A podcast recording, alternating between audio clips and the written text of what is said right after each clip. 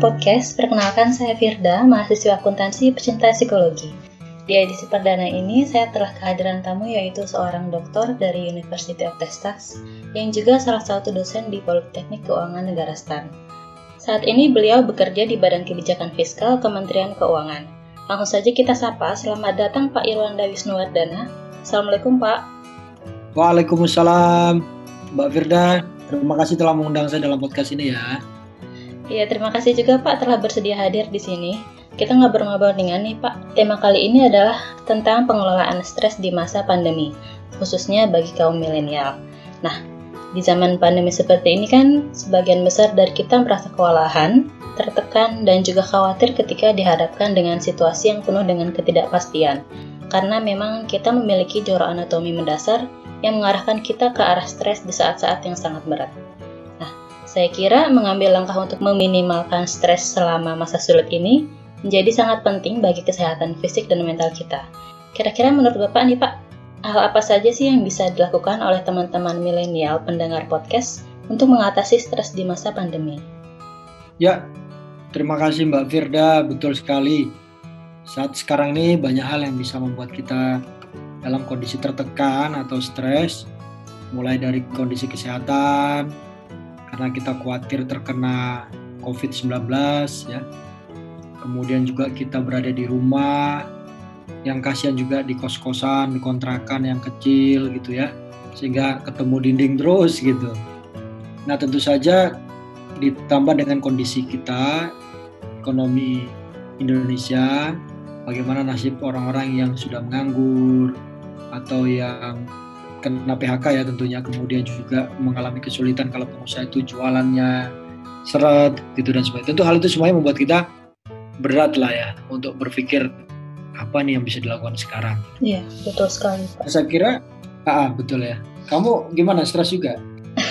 Stres karena nggak bisa keluar sih pak. Nggak bisa jalan-jalan. Oke jadi virtual tourism ya. Bisa wisata turis apa virtual lihat video lihat foto gitu ya untuk menghibur Betul. Nah, hal pertama yang bisa kita lakukan menurut saya adalah fokus pada big picture. Kita melihat pada gambaran besar ketika hidup sekarang ini gitu ya bahwa kita bersyukur.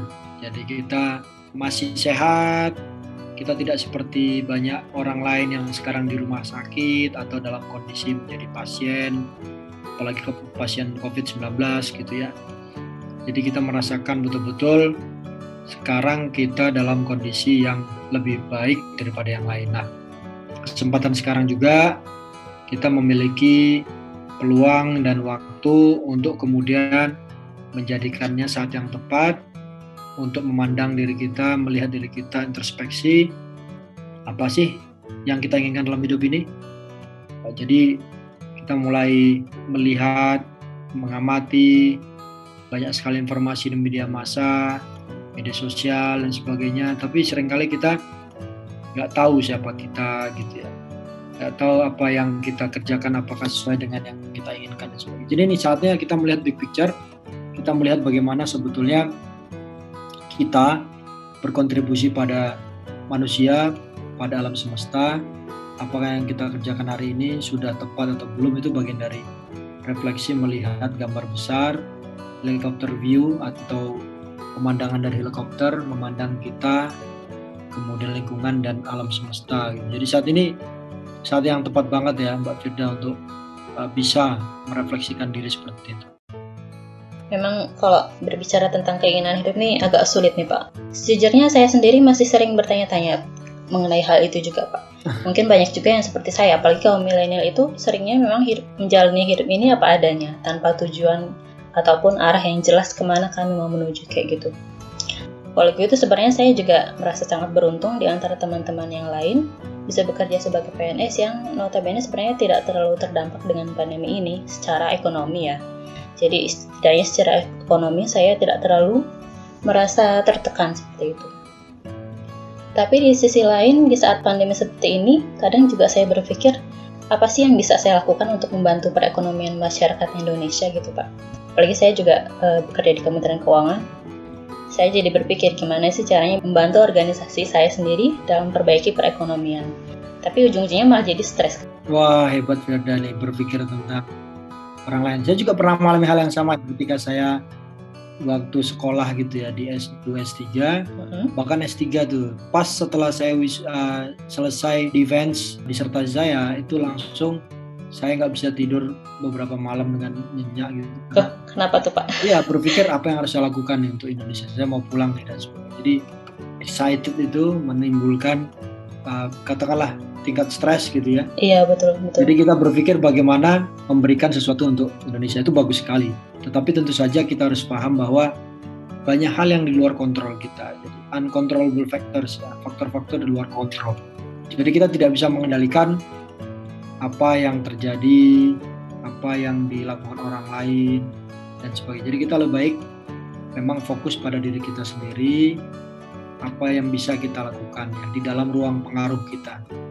Bukan hanya sekedar melihat televisi menonton gitu ya kemudian ada kejadian apa di sana kemudian sedih cuma sedih saja concern gitu. Tapi yang dalam ruang lingkup kendali kita. Misalnya saya ketua organisasi saya bisa melakukan apa nih? Saya sebagai seorang uh, PNS tadi Mbak Firda saya bisa melakukan apa? Itu yang dilihat. Jadi overthinking ya atau berlebih dalam berpikir itu bisa jadi baik karena kita concern tetapi juga bisa jadi tidak baik karena kita kemudian terlalu tertekan dengan kondisi yang ada. Jadi sebaiknya memang kita fokus pada apa yang kita miliki, waktu kita, pikiran kita, uang kita, sumber daya yang kita miliki, dan kemudian kita menghabiskan semua sumber daya itu untuk hal-hal yang positif, hal-hal yang produktif. Contohnya kalau saya lakukan sejak COVID itu, saya rutin lebih rutin lagi menulis ya di media massa lebih rutin lagi misalnya memulai membuat konten YouTube sebagai upaya saya membayar hutang kepada masyarakat Indonesia yang telah ya mereka bayarin saya lah untuk sekolah dari D3 sampai S3 jadi saya memberikan hal-hal yang gratisan bahkan kadang-kadang hadiah gitu ya kepada orang yang mau belajar gitu. Nah, jadi ini juga akan mengurangi stres saya. Dulu awalnya saya sempat itu berpikir, wah saya mau 40 tahun nih, saya harus melakukan apa nih? Kalau saya tahu Nabi itu menjelang 40 dia harus menyepi, kemudian dia mendapatkan wahyu gitu ya. Nah saya juga merasakan kira-kira menjelang 40 itu uh, sekarang sih belum 40 juga menjelang ya. Jadi saya ya. harus iya saya harus ngapain nih? Gitu. Karena life begins at 40 ya. Di hidup dimulai pada usia 40 jadi apa hal yang bisa membuat apa apa saja yang bisa membuat kedewasaan saya saya pikirkan. Tapi kemudian setelah lama-lama benar juga kalau saya overthinking kemudian saya eh, terlalu berlebihan gitu ya eh, melihat sekeliling dan tidak merasa mampu akhirnya saya serah sendiri. Nah kemudian saya ubah pendekatannya saya mampu melakukan apa dan saya fokus di sana dan akhirnya saya ya bisa mulai menikmati apa pun yang sedang saya kerjakan Jadi bisa juga menambah produktivitas itu bisa mengurangi level of stress kita ya Pak. oh iya tentu Sejujurnya dalam produktivitas ini saya juga masih merasa kurang gitu, apalagi kalau misalnya di rumah doang ini. Eh, justru kalau nggak bergerak, kalau nggak keluar itu produktivitas malah berkurang karena merasa malas gitu. Gak ada kegiatan, terus cuma di dalam ruangan. Kira-kira apa sih Pak yang bisa kita lakukan untuk membuat kembali ada semangat dalam diri untuk produk menjadi produktif dan ujung-ujungnya juga mengurangi level of stress kita gitu Pak. ya saya kira yang sering dikatakan anak-anak muda sobat muda milenial itu ya mager gitu malas gerak rebahan saja gitu generasi rebahan itu yang membuat kita sebetulnya bisa jadi tambah stres tidak bisa ke mana-mana aktivitas terbatas tapi kemudian tidak mau melakukan aktivitas fisik yang menyebabkan kita kemudian uh, mengalami gangguan juga secara bukan saja kejiwaan tapi juga secara fisikal ya karena badan pegal-pegal atau aliran darah tidak lancar dan sebagainya. Nah upayakan kita punya jadwal rutin untuk melakukan aktivitas fisik ya, exercise, olahraga ringan dan seterusnya. Ringan saja kalau berat nanti malah sakit ke dokter gitu ya. Jadi ringan-ringan seperti ber, kalau kalau ada treadmill ya, treadmill itu mesin untuk berlari di rumah gunakan. Jika tidak ada, manfaatkan misalnya di sekitar rumah, di dalam rumah itu untuk berjalan kaki. tangga dinaikin turun naik tangga gitu ya push up sit up uh, squat dan sebagainya itu jadi ada minimal roll of thumb-nya atau katakanlah hal yang positif itu yang minimum 30 menit lah atau sekitar 30 menit saja. Kita melakukan aktivitas fisik dari sejak pemanasan sampai olahraga yang inti ya. Kemudian sampai pendinginannya 30 menit. Uh, itu akan sangat baik sekali untuk mengeluarkan hormon endorfin. Karena hormon ini membuat kita merasa lebih bahagia kemudian uh, merasa berkurang rasa sakit di dalam tubuh dan sebagainya. Jadi kita dapat seperti semangat baru lah. Kita lebih mudah semangat. Ya saya kira jangan jangan kemudian karena WFH aktivitas fisik itu berkurang kemudian kita lebih banyak makan lebih banyak intake outtake-nya sedikit sekali sehingga kita kemudian bisa mencegah penyakit-penyakit yang timbul ya. Dari kekurangan gerakan fisik kelebihan dalam uh, makan minum dan sebagainya betul ya Pak. Sebenarnya di zaman mudah ini harusnya memang nggak ada alasan untuk tidak berolahraga sebenarnya. Selain karena malas tentunya ya. Apalagi kan olahraga juga bisa meningkatkan kemampuan kognitif kalau nggak salah ya Pak. Iya betul, betul sekali. Kognitif berarti kita bisa berpikir analitis dan sebagainya. Karena begitu olahraga kita sebetulnya meningkatkan aliran darah ke otak, sehingga biasanya kita justru lebih cerdas dalam mengambil keputusan juga lebih cepat gitu ya. Tidak ada hambatan. Jadi saya kira olahraga jangan ditinggalkan lah. Tentunya selain uh, berdoa kita meminta kepada yang maha kuasa untuk selalu sehat berpikir positif juga berolahraga yang cukup. Kalau dulu di Cukai memang di uh, rutinkan berolahraga ya Pak? Oh iya di Cukai kita ya punya tradisi untuk apel pagi, apel sore itu kan sebetulnya membuat kita bergerak ya. Jadi membuat kita lebih sehat gitu. Oke, berarti udah ada tiga tips nih Pak. Fokus pada big picture, mengetahui apa sih keinginan kita dalam hidup, terus keinginan dalam hidup itu kita uh, utarakan, kita action kan, kita lakukan dalam uh, action yang bisa kita lakukan, kita produktif di masa sulit ini dan juga berolahraga. Kira-kira apa lagi sih Pak yang bisa kita lakukan untuk mengurangi level of stress kita? Ya, satu lagi yang bisa kita lakukan adalah mengurangi hal yang negatif yang kita baca, kita dengar, kita lihat sehari-hari. Karena kalau kita pakai istilah gigo ya, garbage in, garbage out, sampah yang masuk, sampah yang keluar, maka kita akan mendapatkan sampah kemudian mengeluarkan juga sampah. Tapi kalau kita mendapatkan hal yang positif, gizi yang baik, maka kita keluarkan juga hal yang positif dari diri kita. Jadi pada kondisi sekarang ini kita jangan karena sibuk di depan komputer, baca medsos, nonton video dan sebagainya, kita telan mentah-mentah semuanya. Misalnya banyak tuh yang bicara tentang hal-hal konspirasi, teori, teori konspirasi. banyak banget itu Pak Di. Ah, fakta-fakta yang diputar balikkan, cocok-cocokin, cocokologi ya. Jadi cocok-cocokin dan sebagainya. Jangan. Cocokologi.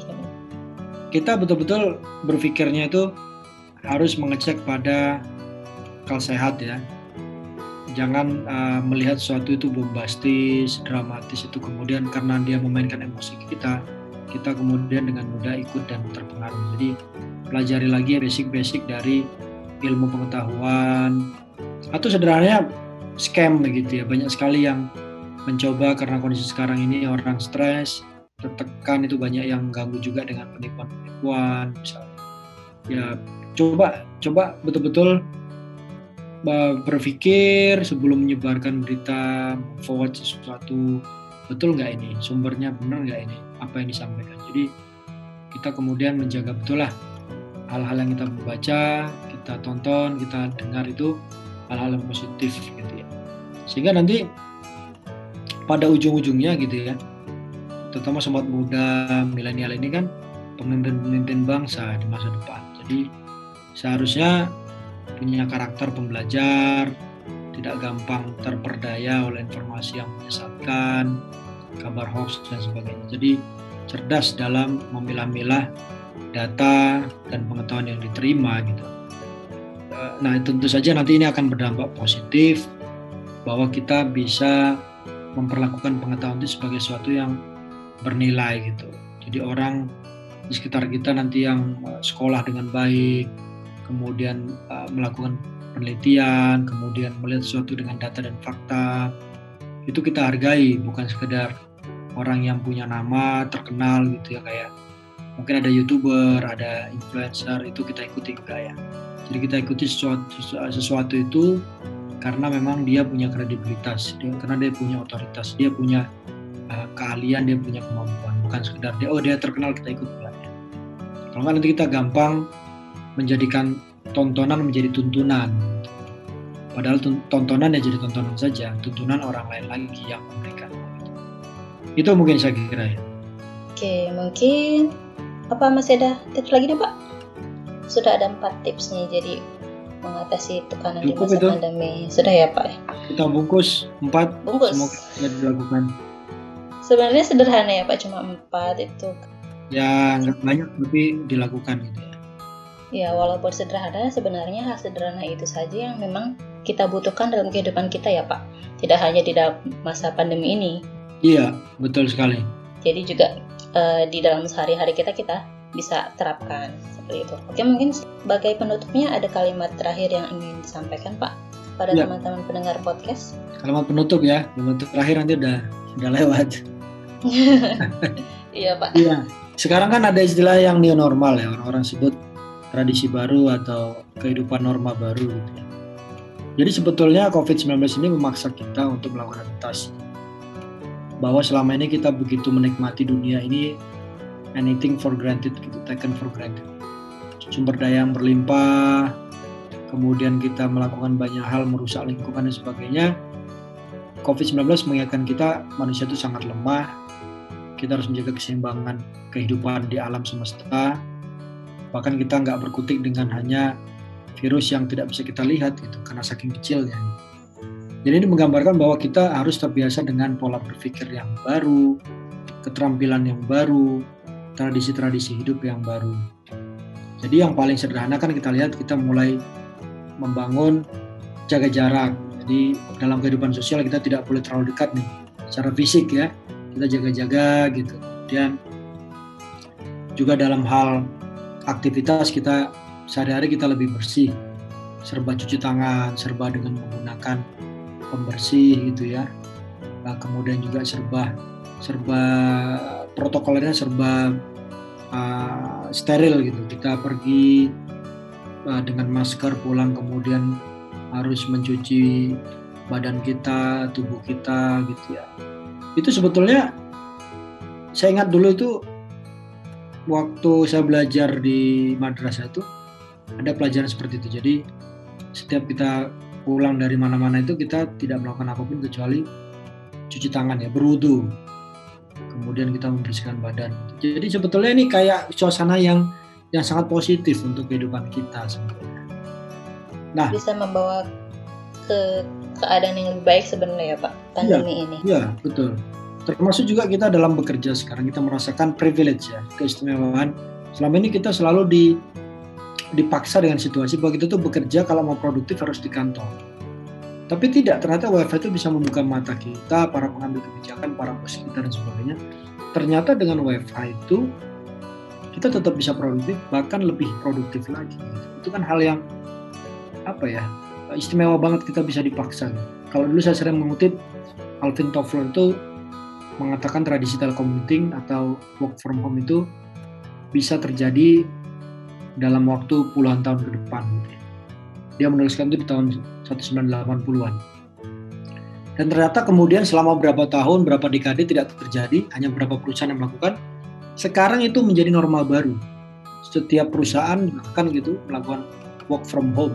Yeah. Hanya sedikit lah yang memang harus hadir di antara uh, katakanlah pengguna jasa, uh, masyarakat tuh yang harus WFO, gitu, work from office. Jadi menunjukkan bahwa ada lompatan dalam adaptasi kita terhadap bekerja gitu. bahwa produktivitas tidak identik dengan berada di kantor justru kita ketika di kantor dalam kondisi sekarang bingung mau ngerjain apa gitu ngabisin waktu panjang ke kantor pulang pergi Terus di kantor juga sama dilakukan dengan yang di rumah. Bahkan di rumah kita lebih produktif karena lebih nyaman mungkin dan sebagainya. Jadi saya kira kondisi sekarang ini adalah sesuatu yang harus kita terima. Seperti mana kita selalu mendengar kata-kata tidak ada yang pasti dalam kehidupan kecuali perubahan. Jadi perubahan itu yang selalu pasti datang. Gitu. Kita sudah merasa nyaman, settle, tiba-tiba ada yang berubah. Nah dalam hal ini kita tentunya harus mengambil yang positif gitu dalam kondisi sekarang kita ambil hal-hal yang positif kita berusaha mengurangi yang negatif misalnya yang negatif kita nggak ada pimpinan yang melihat langsung nggak ada teman-teman jadi kita merasa lebih malas tidak produktif kita buang justru dengan kita sendiri seperti sekarang independen kita bisa mengatur diri kita sendiri dan bisa bekerja dengan baik gitu ya jadi mudah-mudahan new normal ini akan membawa kebaikan kepada kita semua Amin, ya rabbal alamin. Terima kasih Pak Wisnu telah hadir di sini Pak, luar biasa sekali. Atas nasihatnya semoga teman-teman pendengar podcast ini dapat memanfaatkan ilmu yang didapatkan ya Pak. Amin, ya mudah-mudahan kita bisa ketemu lagi nanti ya. Semoga Pak, di lain kali insya Allah. Oke, terima kasih telah menyempatkan waktu untuk mendengarkan kepada sobat. Sampai jumpa pada podcast saya selanjutnya. Bye-bye.